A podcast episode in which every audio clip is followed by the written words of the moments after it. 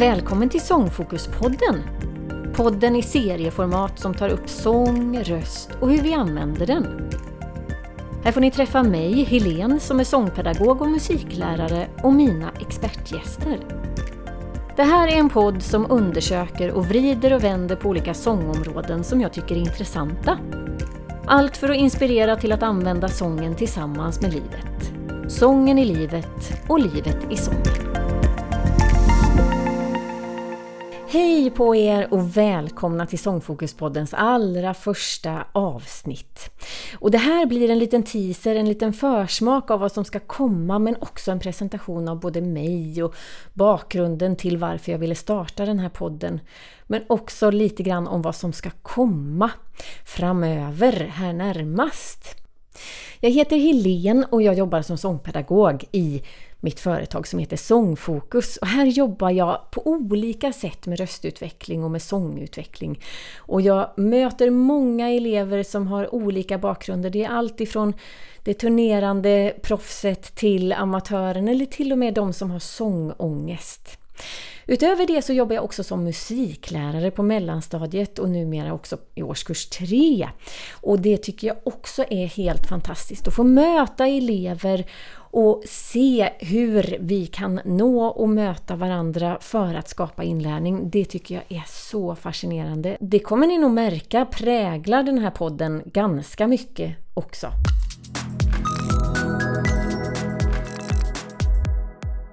Varför ville jag då starta en podcast? Jo, det är ju så här att jag lyssnar väldigt mycket på podcasts.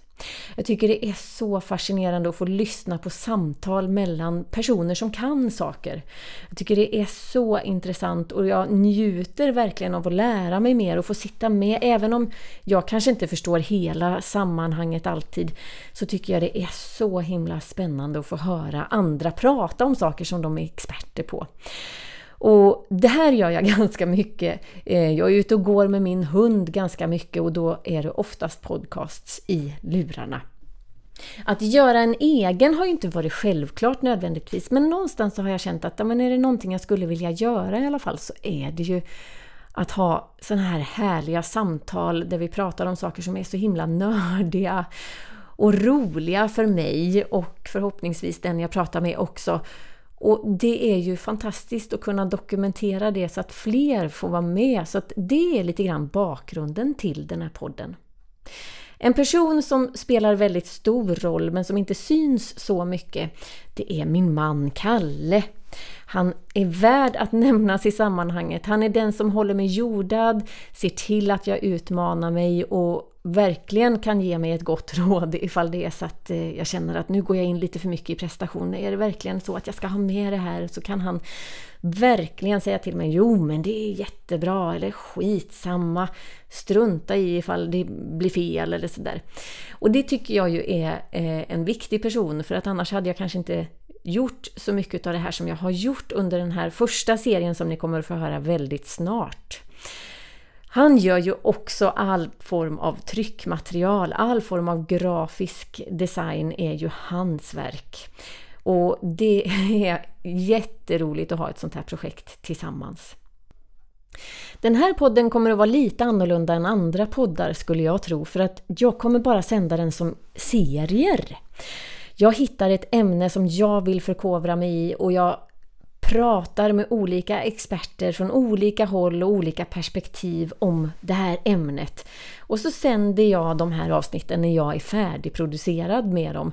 Och den här första serien som ni kommer få höra, den har tagit över ett halvår att skapa. Så att det kan hända att det dröjer ett tag innan det kommer en ny serie. Men jag ska göra mitt allra bästa för att det ska ske. Eh, för att det finns ju en outsinlig nyfikenhet hos mig här så att eh, jag tror säkert att det kommer men det kan hända att det tar ett tag. Och när den här serien sänds så kommer den sändas direkt, alltså eh, varje vecka. Men det kommer som sagt vara eh, några avsnitt som sänds och sen så blir det paus på obestämd tid. Så det är det som är premisserna för den här podden.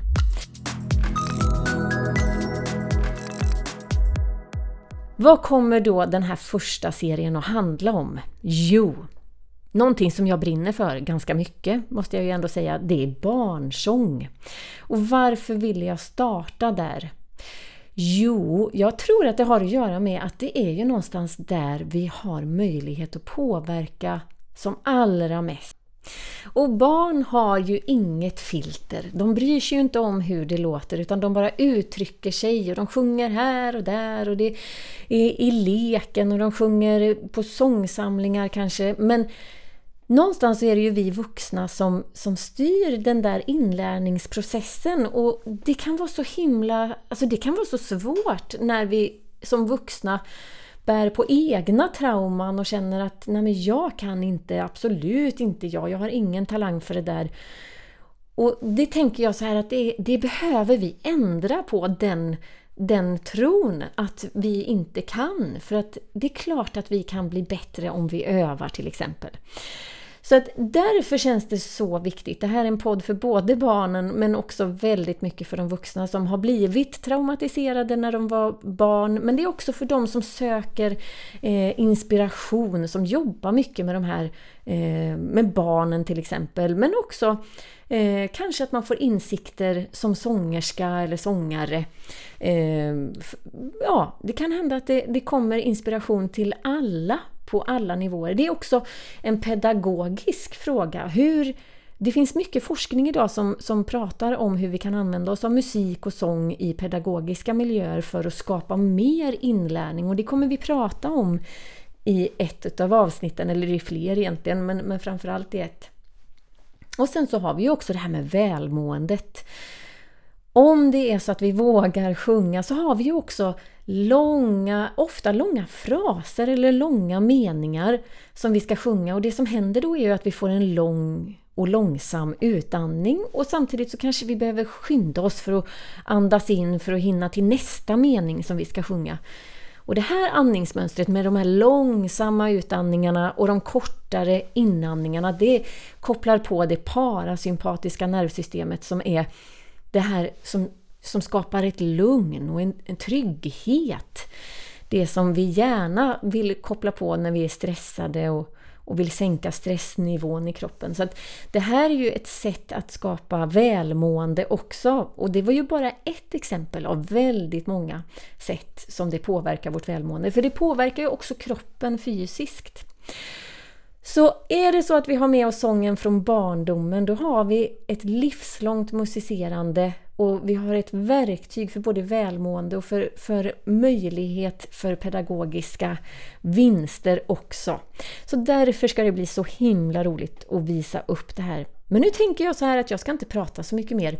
Ni är varmt välkomna och alldeles snart så sänds det första avsnittet i Sångfokuspoddens barnsångserie.